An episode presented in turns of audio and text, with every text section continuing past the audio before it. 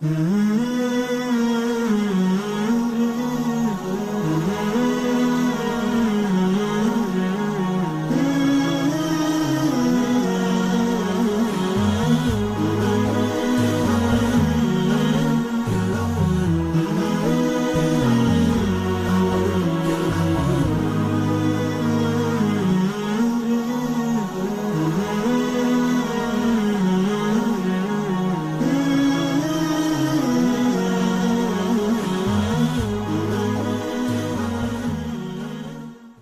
بسم الله الرحمن الرحيم الحمد لله رب العالمين وأصلي وأسلم على خاتم الأنبياء والمرسلين نبينا محمد وعلى آله وصحبه أجمعين السلام عليكم ورحمة الله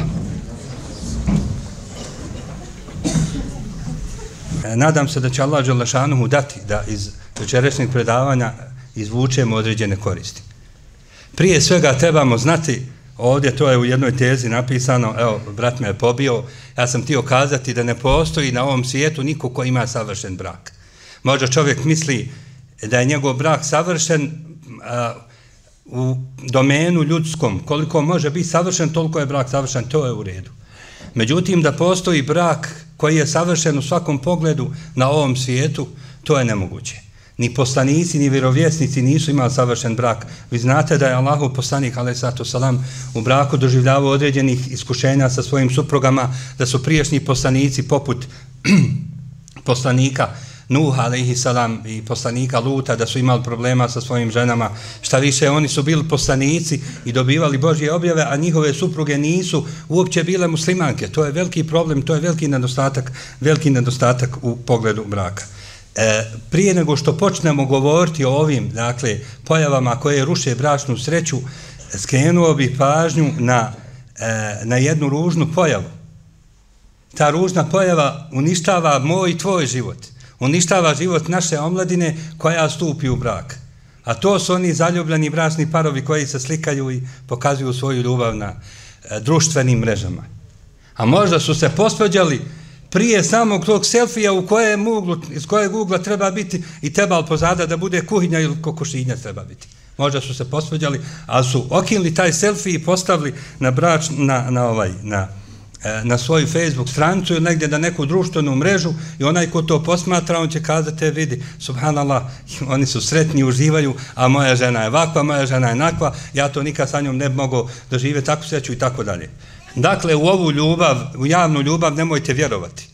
Ta javna ljubav ponekad bude i e, ovaj ljudi pretjeruju u njoj. Ljudi ponekad iznose činjenice u javni život, činjenice koje preuveličaju i onda onaj čovjek koji ima sasvim normalan život, on ne može više izaći na kraj s tom njihovom srećom, nego pođe, pođe optuživati sebe, pođe optuživati svoju suprugu, svoju majku, svog oca, društvo, stranku, partiju, sve živo da, da su, dakle, svi drugi krivi za njegov, za njegov život i za njegovu bračnu sreću. Ovdje ćemo uz Allahovu pomoć navesti pet pojava. Ne znači da ih nema više i ne znači da su neke pojave manje važne od ovih, ali evo Allah je dao da sam se opredijelio za, za ovih pet pojava koje ruše bračnu sreću. Prije nego što počnemo. Ovo sad što ćemo govoriti odnosi se pojednako na muškarca i na ženu. Ružno je da čovjek kad se obraća muškarcima navlači vodu na njihov mlin i govori kako žene ne znaju, kako žene neće, kako žene ne umiju, kako nisu spremne biti supruge. A ako mu se da prilika da održi vas ženama, onda on, e, ili kad se obraća ženama, onda navodi, dakle, tu vodu na njihov mlin i onda optužuje muškarca, muškarce, optužuje muževe. Ovo što ćemo večeras govoriti ovdje odnosi se i na muškarca, na muža i na suprugu. Dakle, ne treba niko da, da kaže ja sam sad, a, a, a, ja ne potpadam po to što se ovdje govori, ja sam dobar. Odnosi se dakle i na jednog supružnika i na drugog. Prvo, nemoj se prepirati sa svojim supružnikom. Mi smo, braći i sestre, danas spremni raspravljati o najmanjim sitnicama – Znate zbog čega? Zato što imamo vremena, vrijeme ne trošimo u činjenje dobrih dijela. Onaj ko se umori tokom noći i ustane pa klanja noćni namaz. I onda klanja saba. Pa cijeli dan radi od jutra do sutra. Ta čovjek kad dođe kući, on nema vremena ni za kakvu raspravu. Da mu neki prijatelj kaže, jesi čuo šta je bilo? Ma možeš ti čuti kad ti cijeli dan sjediš i ti čuješ sve. Ali ovaj koji radi, on nema vremena da čuje šta se događa i on nema snage kad je, dakle, umorio se i fizički i psihički, on više nema snage za te rasprave. Rasprava dolazi odatle što imamo puno vremena. A rasprava može biti između dvoje ljudi, između muškarca i muškarca, između žene i žene, između žene i muškarca. Raspravu nikad ne vodi čovjek sam sa sobom. Dakle, trebaju, potrebno je da imamo za tu raspravu dvoje. Muškarca, muža i ženu, to jest suprugu. Ukoliko se jedno od njih dvoje sustegne od toga i kaže ja neću raspravljati, Allah da te nagradi, ti si u pravu. Koji će biti rezultat? Rezultat će biti taj što će šetan biti poražen i neće više biti prilike za raspravu. Nikakve prilike. Mi često slušamo hadise. Jesi li čuo za onaj hadis, jesi li čuo? Ma mi smo se toga naslušali. Hiljade i hiljade hadisa je, e, dakle, u opticaju. Mi smo se toga i naslušali i načitali i znamo ko te hadise koji bilježe i možda zapamtimo i lanac prenosilaca. Ali, braći i sestre, gdje su ti hadisi u našoj praksi? Gdje su ti hadisi u životima? Nije Allahov poslanik, ali sad sadam te hadise izgovarao ljudima samo da kasnije generacije, da mu hadisi, ovi koji, se, koji su se bavili tom naukom hadiskom, da imaju o čemu razglabati i da on to prenose i da se to zapisuje i da se daju komentari na te hadise i da mi onda kažemo amin, mi ćemo postupati po svom. Hadisi imaju svoj smisao. Oni su objava od Allaha Đalešanuhu. Hadisi su poslanikove riječi koje je on izgovorio pod nadahnuću od gospodara svjetova i treba ih primijeniti. Evo, pogledajte sad ovdje. U, e, imamo ovdje hadis koji muslimane odvraća od raspravljanja. Raspravlja, odvraća muslimane od toga da raspravljaju u bilo kojem pogledu.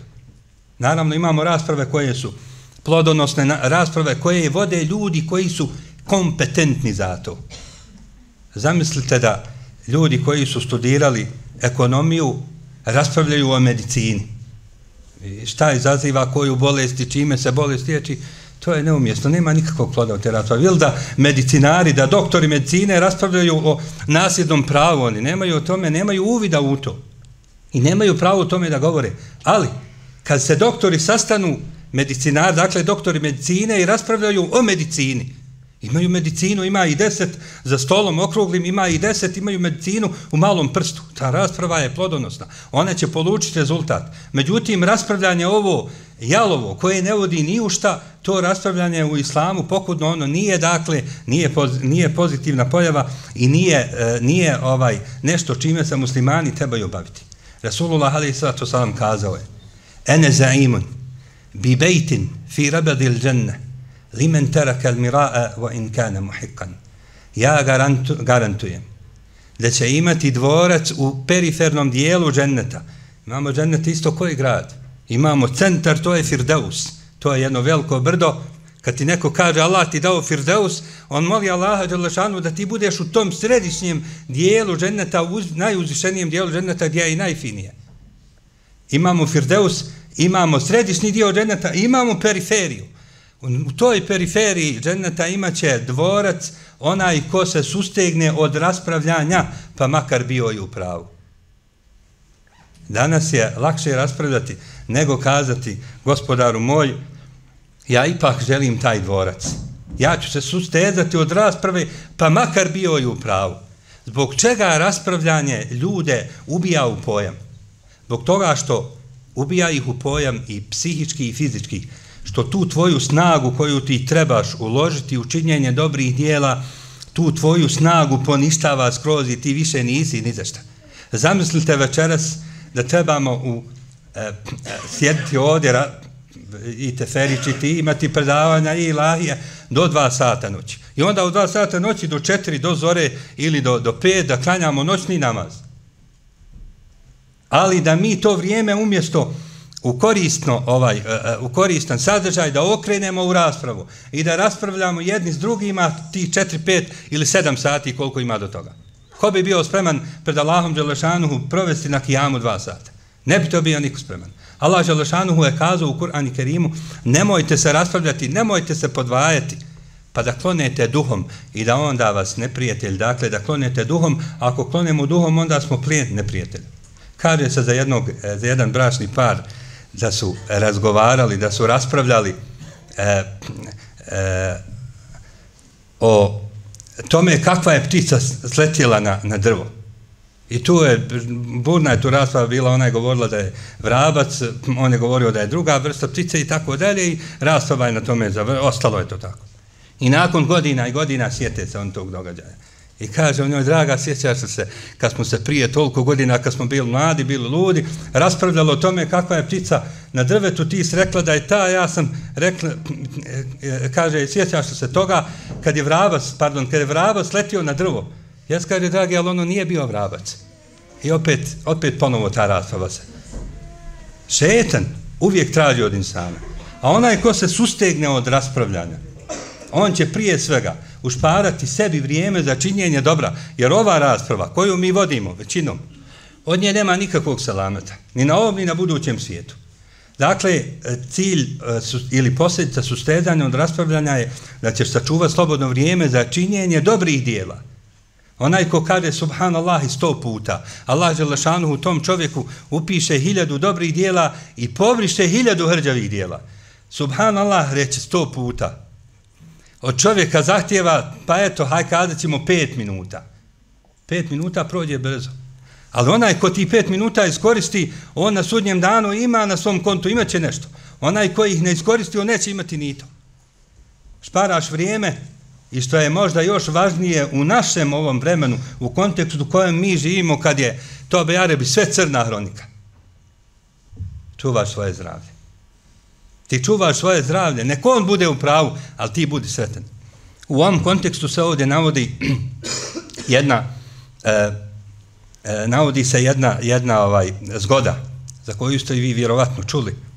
Se kaže da je jedan mladić e, sreo nekog e, čiču jednog starog čiču od stotinu i nešto godina i vidio je, primijetio je na njemu e, da je on fit, da je uvijek nasmijan, da je raspoložen i pitao ga je, de mi kaži, bogati, na koji si ti način sačuvao tu svoju vitalnost do svoje 120 godine, 120. godine. Uvijek si pokretan, uvijek si radostan, veseo.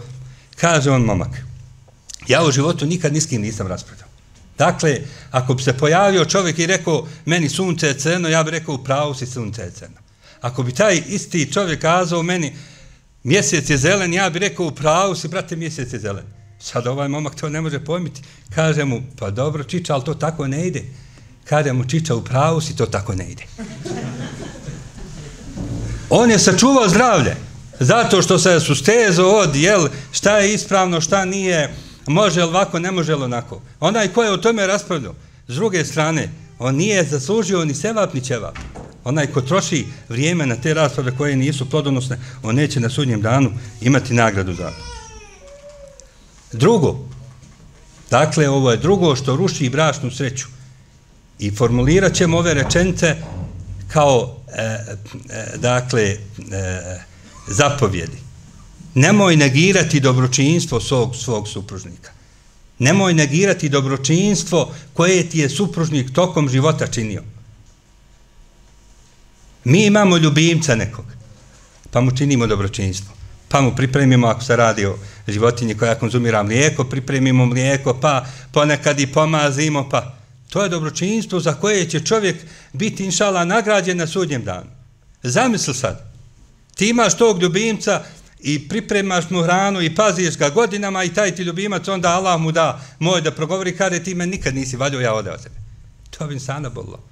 Zamislite kako je kad ti čovjek, musliman, s kojim si ti proveo, dijelio i dobro i zlo, kad ti taj musliman kaže, brate, ti ne valjaš ništa, ti me nikad u životu nisi valjao. To ostavlja trag na čovjeku. To su teške riječi. Ponekad se šamar može ispraviti. Nekoga kad dodala mi šamarom i odvedeš ga na dobru večeru sedam puta i izviniš mu se sedam puta, on to zaboravi. Ali kad uvrijediš čovjeka, kad mu pošalješ riječ koja ga uvrijedi, on to ne može zaboraviti. Na arapskom jeziku riječ se zove, e, e, e, dakle riječ e, se kaže kelime, el kelime.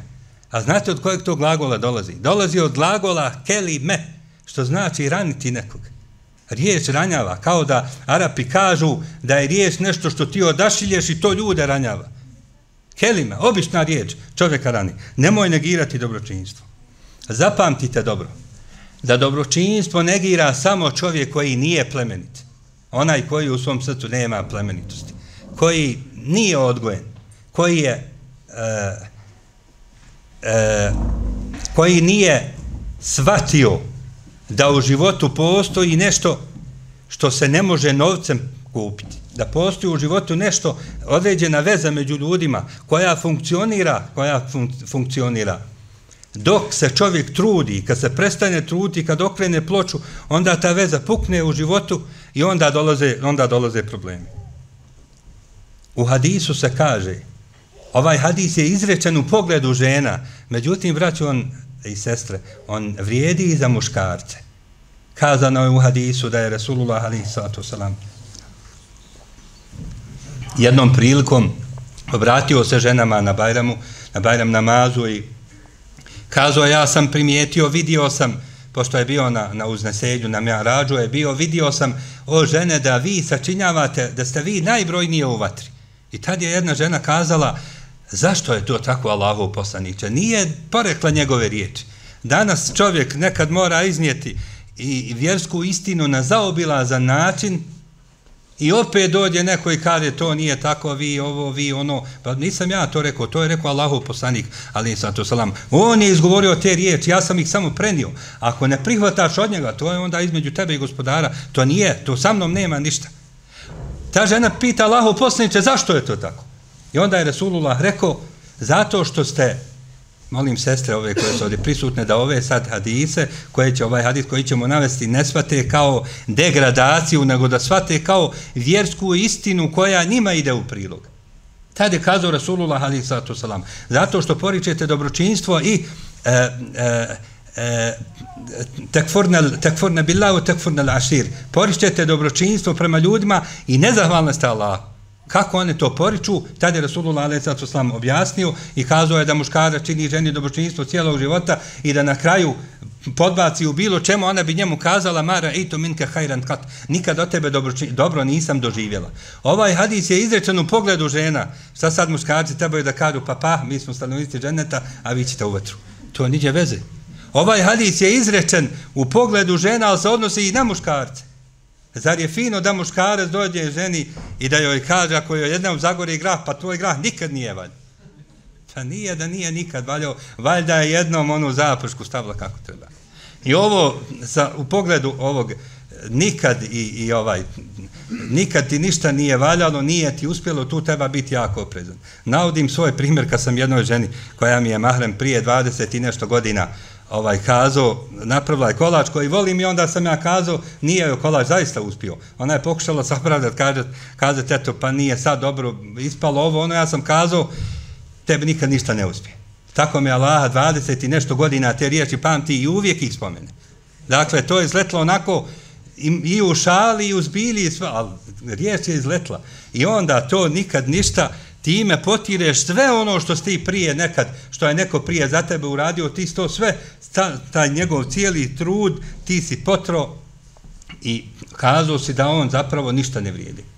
Allah Želešanuhu u Kur'an i Kerimu nauči nas da ovakvi budemo. Kaže nam u ajetu وَلَا تَنْسَوُ الْفَضْلَ بَيْنَكُمْ I nemojte zaboraviti velikodušnost jednih prema drugima. Nemojte zaboraviti da ste nekad bili raja. U pogledu koga je ovo kazao i u kojem kontekstu? U pogledu supružnika koji se rastaju.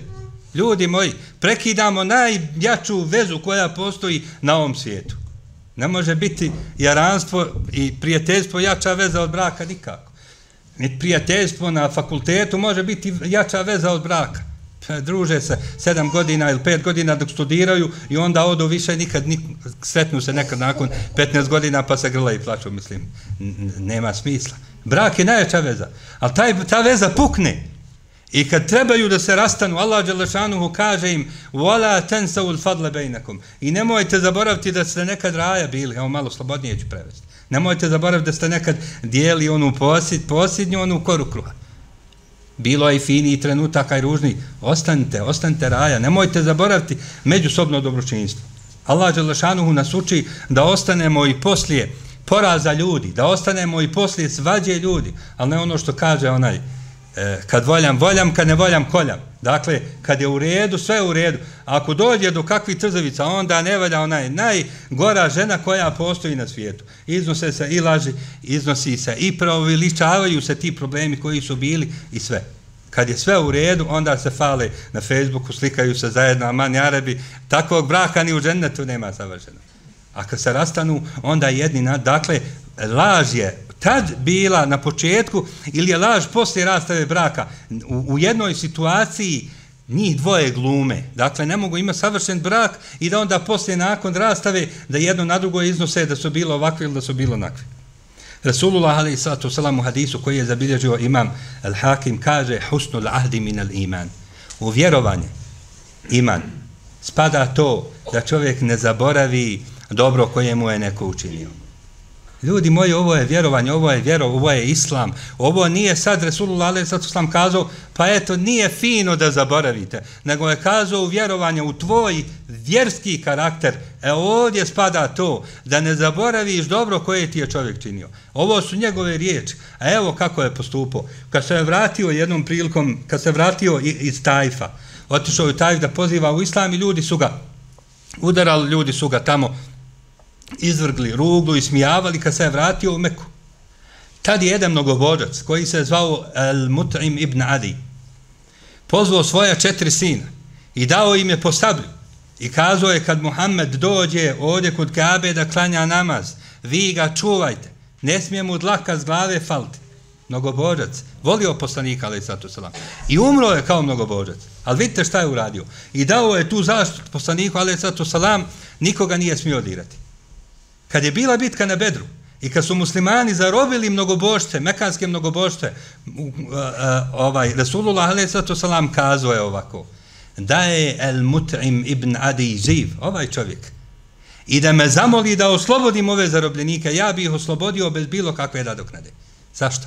Zato što mu nikad nije zaboravio ovo. Ljudi, ovaj čovjek je džehennemsko gorivo, on je umro kao nevjernik. Resulullah a.s. kaže da je on živ, Ja bi to uradio, on je umro kao mnogoborac. Ali poslanik Ali Sato Slam nije zaboravio njegov trud. Nije zaboravio njegovo dobro djelo. To je dobro djelo njegovo na ovom svijetu. Za koje je on e, dobio nagradu time što mi njega danas, iako je mnogoborac, spominjemo u pozitivnom svjetlu. Nećemo nikad kazati da su Ebu Leheb i ovaj čovjek isti. Iako su mnogobošci, iako će obojca biti u paklenoj vatri, nisu bili muslimani.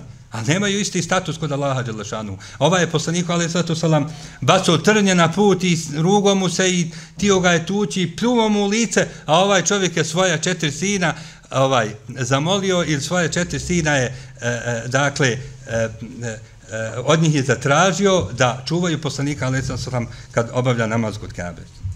Nemoj zaboraviti ničije dobročinjstvo, nemoj zaboraviti dobročinjstvo svog bračnog, ovaj, svog bračnog druga, svog supružnika. A nemoj zaboraviti ni dobročinjstvo drugih ljudi. Evo kako nas je, kako su nas učen, učenjaci Islama učili da radimo. Imam Šafi, ali rahmetullah, jednom prilikom je sjedio sa svojim učenicima.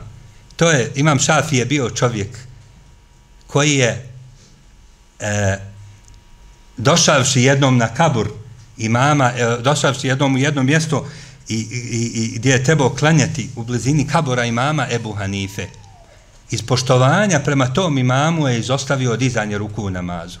Vi znate da je imam Ebu Hanife, ali ih rahmetullah, da je smatrao da čovjek di, e, e, diže ruke u namazu samo priličnom po, prilikom početnog tekbira i da sveže ruke i da više ne diže ruke. To je bio njegov stav koji je on utemeljio na određenim dokazima. Imam Šafi je bio suprotnog stava. Imam Šafi je smatrao da ruke treba dizati kad se treba ići na ruku i kad se vrati sa rukua. I on je svoj stav utemeljio na određenim dokazima.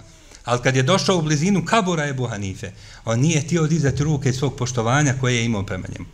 Ovaj čovjek je sjedio sa jednom skupinom svojih učenika i onda se je pojavio jedan beduin na vrata.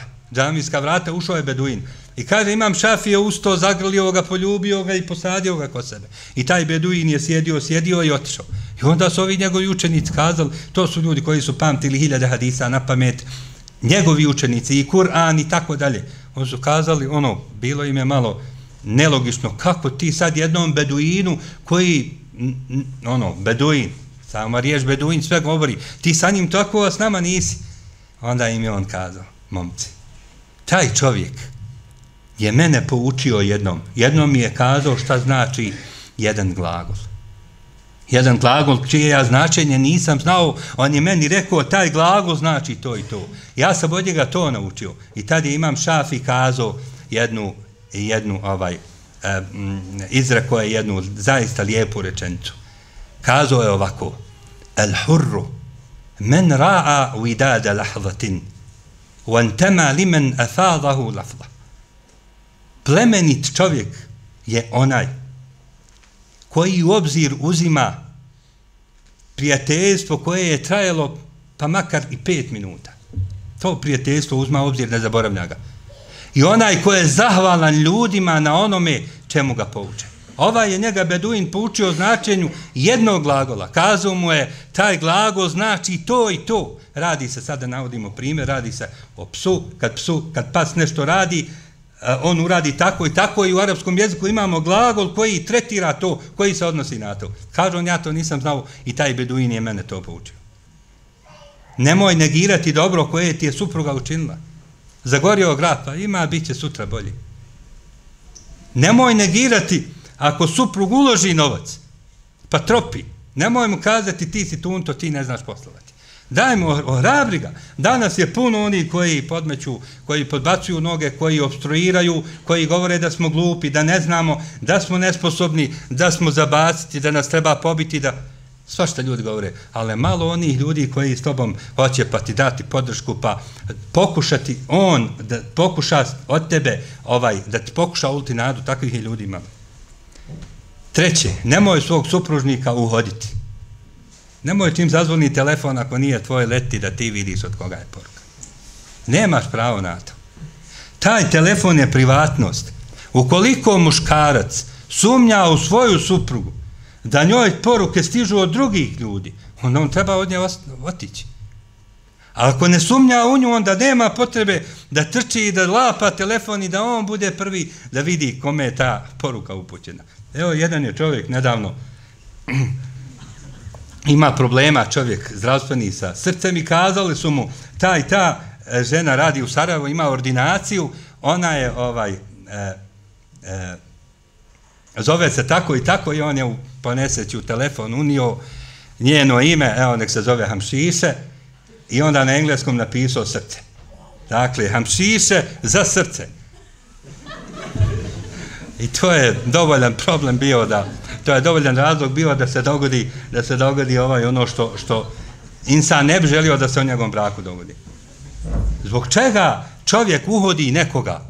Bilo da se radi o supružniku ili o drugom muslimanu. Zbog čega? Zato što o njemu ima hrđavo mišljenje. Kad Allah Želešanuhu govori o uhođenju, ne ide direkt, nemojte uhoditi jedni druge, nego kaže u suri Al-Huđurat, Ja i uheljazina amanu, ovi koji vjerujete, ko vjeruje, kad bismo kazali, ima li ovdje iko da ne vjeruje, niko ne bi digao ruku. Ima li ko da vjeruje, svi bi kazali, svi bismo kazali, mi smo ti koji vjerujemo. Evo, ovaj sajet upravo na nas odnosi. Ovi koji vjerujete, iđtenibu kethiram mina vanni. Klonite se mnogih sumničenja, nemojte se upuštati u to sumničenje. Prvo na muslimanu primijetiš frizuru koja nije po tvom čejfu. Onda kačket malo okrenut na stranu pa kaput, pa to sve šetan kod tebe, to su sve impulsi koje on na tvoj račun stavlja. I onda na kraju kad zaokruži sliku, ti tog muslimana odbaciš. Upravo zbog tih sitnih detalja koje si ovaj prikupio o njemu i posle toga dolazi uhođenje. Klonite se mnogih uči, uhođenja, mnoga uhođenja su grijeh i onda Allah Đelešanu kaže volate džese su i nemojte jedni druge uhoditi. Prvo te sumničim, kontam nije on sigurno nije čist dok on se tu nalazi dok on to radi. I onda uhođenje, onda špijunaža, onda postavljanje nekakvih patki i onda ispitivanje i ovako i onako. Allah Želešanuhu to je zabranio. Onaj ko bude uhodio druge muslimane, Allah Želešanuhu tog čovjeka neće ostati tek tako. Kažu Arapi, al džeza'u min džinsil amel, nagrada i kazna, dolaze, nagrada i kazna dobiju se sukladno dijelom zbog kojeg su zarađene. Dakle, ako čovjek uhodi, Allah Đalešanuhu, on uhodi da bi osramotio Allah Đalešanuhu tog čovjeka osramoti. Zato se u hadisu kaže uh, da će Allah Đelešanuhu u vlasti toj kući osramoti čovjeka koji uhodi druge muslimane, koji istražuje mahane drugih muslimana. Jedan mi je prijatelj ispričao da se jednom čovjeku dogodilo da ga Allah Đelešanuhu osramotio u njegovoj kući. Dakle, uradio je nešto što ovaj nije za spominjati pred ženom i pred djecom nehote. I nije mogao tu samotu podnijeti, otišao je u štalu, našao je pušku i ubio se. Oduzeo sebi život. Allah Đelešanuhu pusti čovjeka. Neće odmah kazna doći. Nego da mu, to u arapskom jeziku se zove isti drač. Allah Đelešanuhu ljude približi postepeno. Oni na kontaju nisu svjesni. Kad rade ono što ne treba. I onda Allah Đelešanuhu svoju kaznu da. Nemoj uhoditi svog supružnika i imat ćeš sretan brak. Ukoliko postoji opravdana sumnja, u određenu, dakle, e, e, ukoliko postoji opravdana sumnja da supružnik nije onakav kakav bi trebao biti, onda to treba istražiti. I treba poduzeti mjere. Ali ono puko uhođenje koje šetan čovjeku ubacuje, to nije dozvoljeno. Četvrto. Nemoj preći granicu u ljubomori. Nemoj prijeći granicu u ljubomori koliko čovjek ljudi u životu na ovom svijetu uvrijedi i optuži zbog toga što je preko mjere ljubomore. Jedan mi momak priča, jadan onako gotov za pomagati, kaže da su putovali na hađa autobusom prije dakle, ovih svih ratova i ovih događanja, pa putovanje traje danima. Kaže, tio sam da izađem, stali smo negdje u Turskoj, više ne znaš ni koja je zemlja, ni ne znaš ni za noge, ni za glavu, sjediš u onom autobusu, ko kakav, I kaže, htio sam da izađem, on stal, kaže, čovjek je name skočio, ne, kaže, sad izlaze žene. Čekaj, čovjek, izaće žene, stani čovječe, ne moraš na taj način ti to uraditi. Nisam ja krenuo napred da gledam i da diram tuđe žen, tvoju ženu, stakvirullah. Ali, dakle, ljudi u određenoj situaciji postupe na taj način iz te svoje ljubomore da tebe uvrijede. Uvrijede tvoj ponos, ma ne zanimaš me, bolan, ni ti, ni tvoja žena, idi, nemoj nikad više da te vidim uvreda koja dođe na račun drugog muslimana zbog ljubomore, ta se uvreda nikad ne može zaboraviti. Pogotovo onaj ko je zlopamtilo, onaj ko to, ko to ovaj ne zaboravlja. Nemoj budi ljubomoran, ali nemoj prijeći granicu svoju ljubomoru. Evo situacija koju sam spomenuo na početku predavanja. O tom problemu bračnom, e, e, u, u ovog bračnog e, ovaj para koji se dogodio, i koji me ponukao da održim predavanje ovo koje sam ovaj pripremio, e, taj problem je upravo nastao zbog toga što muž nije bio ljubomoran. On je svoje ženi dozvolio ono što islam ne dozvoljava. I onda nakon kad se je sabralo dva i dva, čovjek se udario u glavu. Rekao, ja to nisam trebao raditi tako. Ali problem nastao. Problem koji se više ne može popraviti. Problem koji je E, koji ima trajne posljedice, nesagledive posljedice, da je žena uradila to i to. Žena koja se udala i koja ima čestit brak, ona je uradila to i to. Ali šetan došao po svoje. Nek muž bude ljubomoran, ali u granici. Rasulullah alaih salam je bio najljubomorniji musliman koji postoji. Nemoguće je da je neko njega pretekne u toj ljubomori koja je u redu, koja je dozvoljena. Ali je dozvolio Aiši radijallahu anha da bude iza njega e, i da posmatra kako se abisinci, kako izvode jednu, jednu ovaj plesni, jedan nastup, jednu igru, ko prima u džami. I ona je pitao, jel, jel ti dovoljno, jesi se dovoljno nagledala? Ona je kazala, jesam. Dozvolio je da to gleda. Imam osjećaj da neki muslimani danas, što dovede ženu, on bi najvolio da ju na glavu stavi onaj džak kroz koji ne može ni lav vidjeti ništa. I da je voda tako po gradu. Pa dobro, aj stavi džak na svoju glavu. Pa i ti hodaj. Ne ide tako. Postoje stvari, koje ljudi, e, ovo pogotovo se odnosi na novajlija u braku, bi sve to amanjare pod nekom mjeru, nekad čovjek mora progledati, nekad mora zažmiriti, nekad mora ne vidjeti. Vidio si, ali nisi vidio. Čuo si, ali nisi čuo. Ne zna šta se oko tebe radi. Ne zato što si the youth, ne zato što se onaj koji nije ljubomoran, nego zato što ne možeš u životu na ovom svijetu izganjati svaki mak na konac. Ne ide, moraju neke stvari, moraju neke stvari prolaziti. Evo vidjet ćemo ovdje kakve se stvari događalo za vrijeme Rasulullah ali sallatu sallam. Imamo, imamo ljubomoru koja je u islamu odbačena. To je da čovjek sumiči ženu, da joj ne vjeruje, da isto tako je žena muža kad uđe u kuću, da stane na vrata, da ona bude između njega i vrata, da ne može ni nazad ni napred. I da onda mora joj položiti račun gdje je bio, s kim je šta uradio, s kim je šta progovorio i ako je gdje šta pogriješio, da joj prizna i da obeća da to neće uraditi. I to je ljubomora koja izlazi iz okvira. To islam ljubomoru ne dozvoljava. Isto tako ljubomoru u braku ili ljubomoru ovu mimo braka mogu imati i majke, odnosno sve krve. Imao sam situaciju kad jedna se žena žali na ponašanje ovaj svog muža i kaže on ne boravi u stanu, imaju stan, jedan on kaže ne spava sa mnom nikako. Ne, nikako ne boravi sa njom. On spava uvijek kod kuće, dakle, sa, kod majke. I kaže, ako ulovi nekad, desetak, 15 minuta, ili kad dođe kod mene, kad legne kod mene u krevet, kaže, majka dođe i legne između nas dvoje. Pa Bog ti, dragi, dao u što ti ostarla, gdje ćeš to uraditi? Ali to je ta svijest. Žena, dakle, ima sad onaj ljubomorna na tog svog sina u toj mjeri da ona više ne, ona ne može kontrolirati svoje postupke. A sigurno je krenulo iz početka u braku od sitnica. I onda to šetan razvija, razvija i na kraju je doživjela to. Ljubomora je poželjna kad je u granicama. I fino je da žena osjeti da je muž ljubomoran i da je voli i da je čuva. Isto je tako fino da muškarac osjeti da ga žena voli i da ga čuva.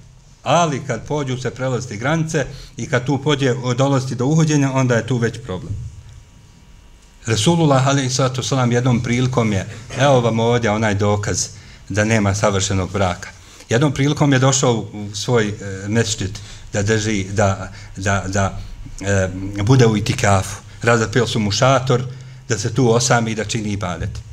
Kad je pomolio glavu, još jedan šator i niko. Ko je Aisha radijallahu anha? Ona je donijela šator, tu da je ona bude u itikafu. Malo, malo, još jedan šator. Niču šator u džami ko give posle kiće. Šta je to? Hafsa radijallahu anha. Hoće i ona biti u itikafu. A vidite kako je Rasulullah alaih sallatu slam reagovao. Nije zagalamio, nego im je samo pitao je al birre to ridne. Ovaj hadis je zabilježen u dva sahiha.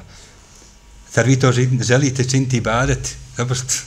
Zašto sad? Jedna pa dolazi druga, ali mora druga doći da pokaže ovoj prvoj da ona nije glavna. Nije problem biti, nije problem živjeti u poligamnom, poligamnom braku, da ona bude druga treća žena, ali je problem ko će biti glavni u tom braku. To je problem. I zbog toga dolazi do rastave. Nije problem njoj da ona bude druga ili treća žena, nego je problem ona hoće da bude glavna i to hoće svaka da bude glavna. I tu problem dolazi. I onda je poslanik alaih sallatu salam, koji je znao u određenoj situaciji kako postupiti.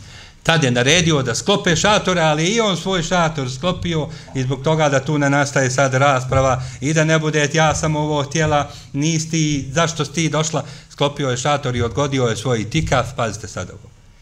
Odložio je tikaf za mjesec šaval u kojem nije lejletul kadr i u kojem nema posljednje trećine te vrijednosti.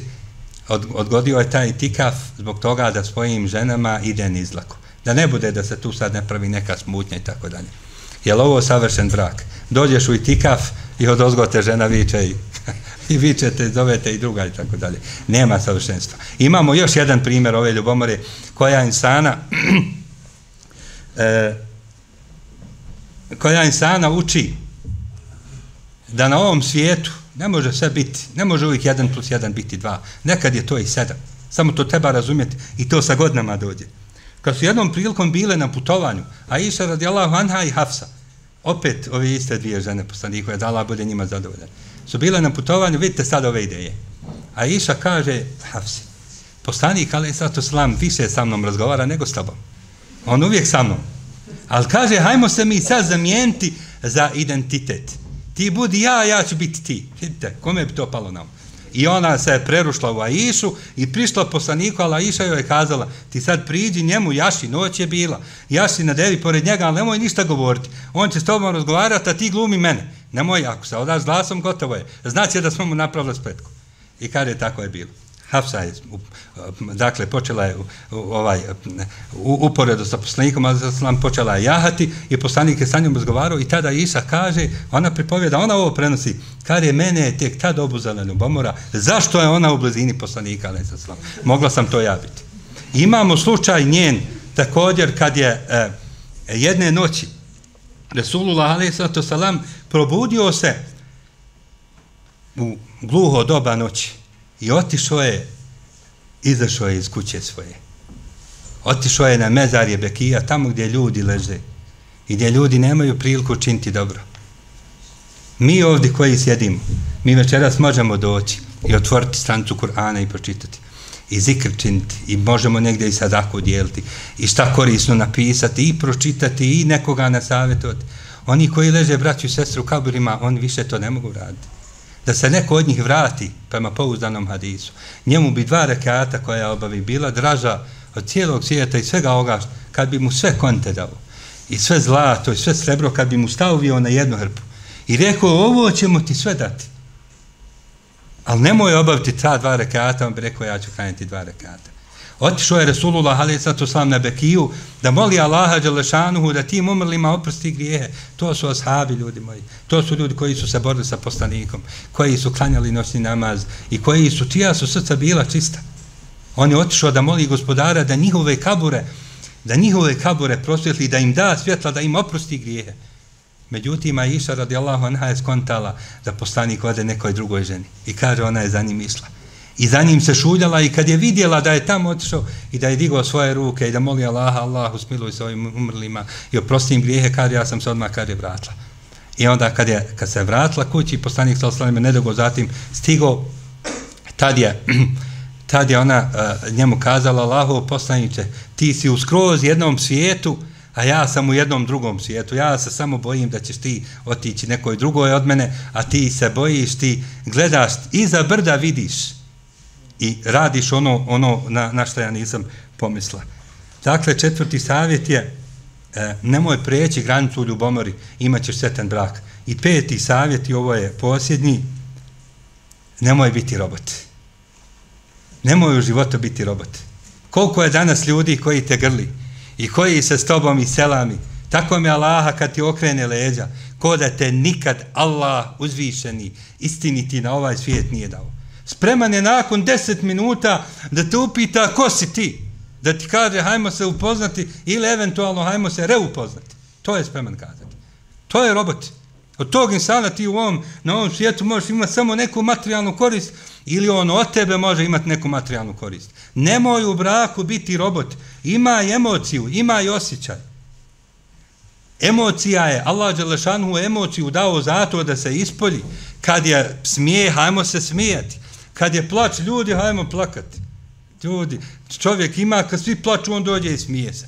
Na dženazama ljudi su tužni, ovi vamo se ovaj, e, viceve pričaju i smiju se isto kod da su došli na teferiče. Dođemo na svadbu gdje treba da se ori, da tamo žene def, da se, da bude, znači da situacija, da, da bude baš crazy. To je čovjek i sjedi isto ko da mu je neko umro. Ma haj bolan odavde, nisi ti za svadbe. Ti trebaš na svadbu doći da se veseliš, e, e, dakle, da sudjeluješ tim muslimanom u veselju. To je kad ljudi ne znaju svoje emocije pokazati. On pokazuje emociju, ondje gdje emocija ne ide ta emocija koju treba pokazati. Allah Đelešanu emociju je dao da se pokaže. Nemoj biti robot, kaži svom supružniku, volim te. Pogledajte naše ove ljubimce. Evo, kogod ima ljubimca, bilo da se radi o mačku, o kuniću, o bilo čemu. Pogledaj kako se on fino osjeća kad dođeš, kad ga zovneš i zna koga mazi i njemu ide. Osjeti ima, Allah mu je dao taj osjećaj. Zamisli koji osjećaj prema tebi gaji tvoj supružnik kad ti prema njemu pokazuješ emocije i kad mu pokažeš da je tebi stalo do njega. Rasulullah a.s. kaže u jednom hadisu Iza ahabba ahadukum ahahu falyu'limhu ennehu yuhibbuhu. Kad neko od vas, o muslimani, zavoli svog brata muslimana, neka mu to saopći. Neka mu kaže, u drugom hadisu se kaže, neka ode njegovoj kući. Ljudi moji, zašto kući? Zašto kući? Zašto ne na ulici? Zašto poslanik Alesam nije kazao kad ga vidi u džami nek mu kaže ja te volim u ime Allaha. Kad ga vidi na predavanju, kad ga vidi na skijanju na bjelasnici, Nije. Nego kaže nek ode njegovoj kući i nek, mu, nek ga obavijesti o tome da ga voli. Zamisli sad ovu situaciju. Naučio si da ti na zvonce kuca, da ti na zvonce ovaj, udara ili da ti zvoni samo onaj kome treba neka pomoć. Ili da te zvoni na telefon da tu pućuje poziv samo onaj, što kažu Arapi, tavari, ovaj, hitni poziv. Brate, e, u škripcu sam. Zamisli znam tad ovdje čovjek zvoniti, ti otvoriš vrata i on kaže assalamu alaikum, alaikum salam. Brate, ja sam tebi došao da ti kažem da te volim u ime Allahova. Zamislite koji je to osjećaj. Ne znam, ovo je sunnet koji je izgubljen danas. Ovoga sunneta nema. Neka, alhamdulillah, i dizanja ruku i neka i brada, ali ovo su sunneti koje trebamo oživljavati. Ko oživi ovaj sunnet, imaće nagradu na sudnjem danu za sve ljude koji budu ovaj sunnet prakticirali. Da odeš muslimanu na vrata i da kažeš, brate, ja tebe volim. U ime Allaha. Zašto je ovo danas izgubljeno? Zato što ljudi jedni drugima ne vjeruju. Prije par sedmica e, napisao sam jednom eh, svom e, velikom učitelju, jednom svom velikom šeju, kojeg tako me Allaha cijenim ko svog roditelja. Napisao sam mu na arapskom jeziku poruku, eh, on je bošnjak, napisao sam čovjek od kojeg sam mnogo, zaista mnogo naučio, napisao sam mu, brate, molim Allaha, šejhu moj uvaženi, molim Allaha da ti da nagradu koju daje učenjacima Islama. I znate šta mi je on odgovorio? On mi je kazao, imala ova tvoja poruka, poruka neku pozadinu. Zašto je napisano? Rekao sam, tako mi Allaha to je. Što sad pročito, to je, osjetio sam prema tebi ljubav i da cijenim, sjetio sam se svega i edeba i znanja koje sam usvojio i želio sam na taj način da ti iskažem. Ali čovjek je u nedumici. Zašto? Zato što on te poruke možda ne prima. Nema tog sunneta među nama. Gledajte sad ovo. A ovdje mi ne govorimo o ljubavi u ime Allaha. Mi govorimo sad o ljubavi među supružnicima.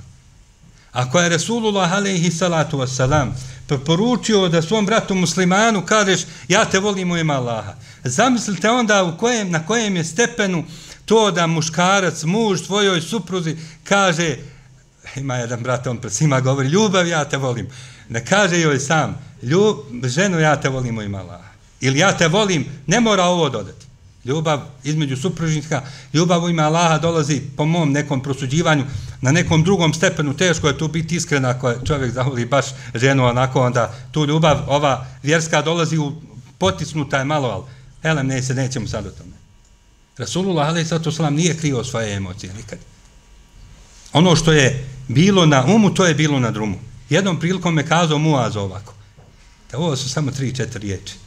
Ali one su imale takav utjecaj da je Muaz radijallahu anhu kaže su u jednom predanju koje su neki islamski učenjaci odbacili, kad je polazio u Jemen da je plako i da je govorio Allahu poslaniče, ja se bojim da tebe više neću vidjeti.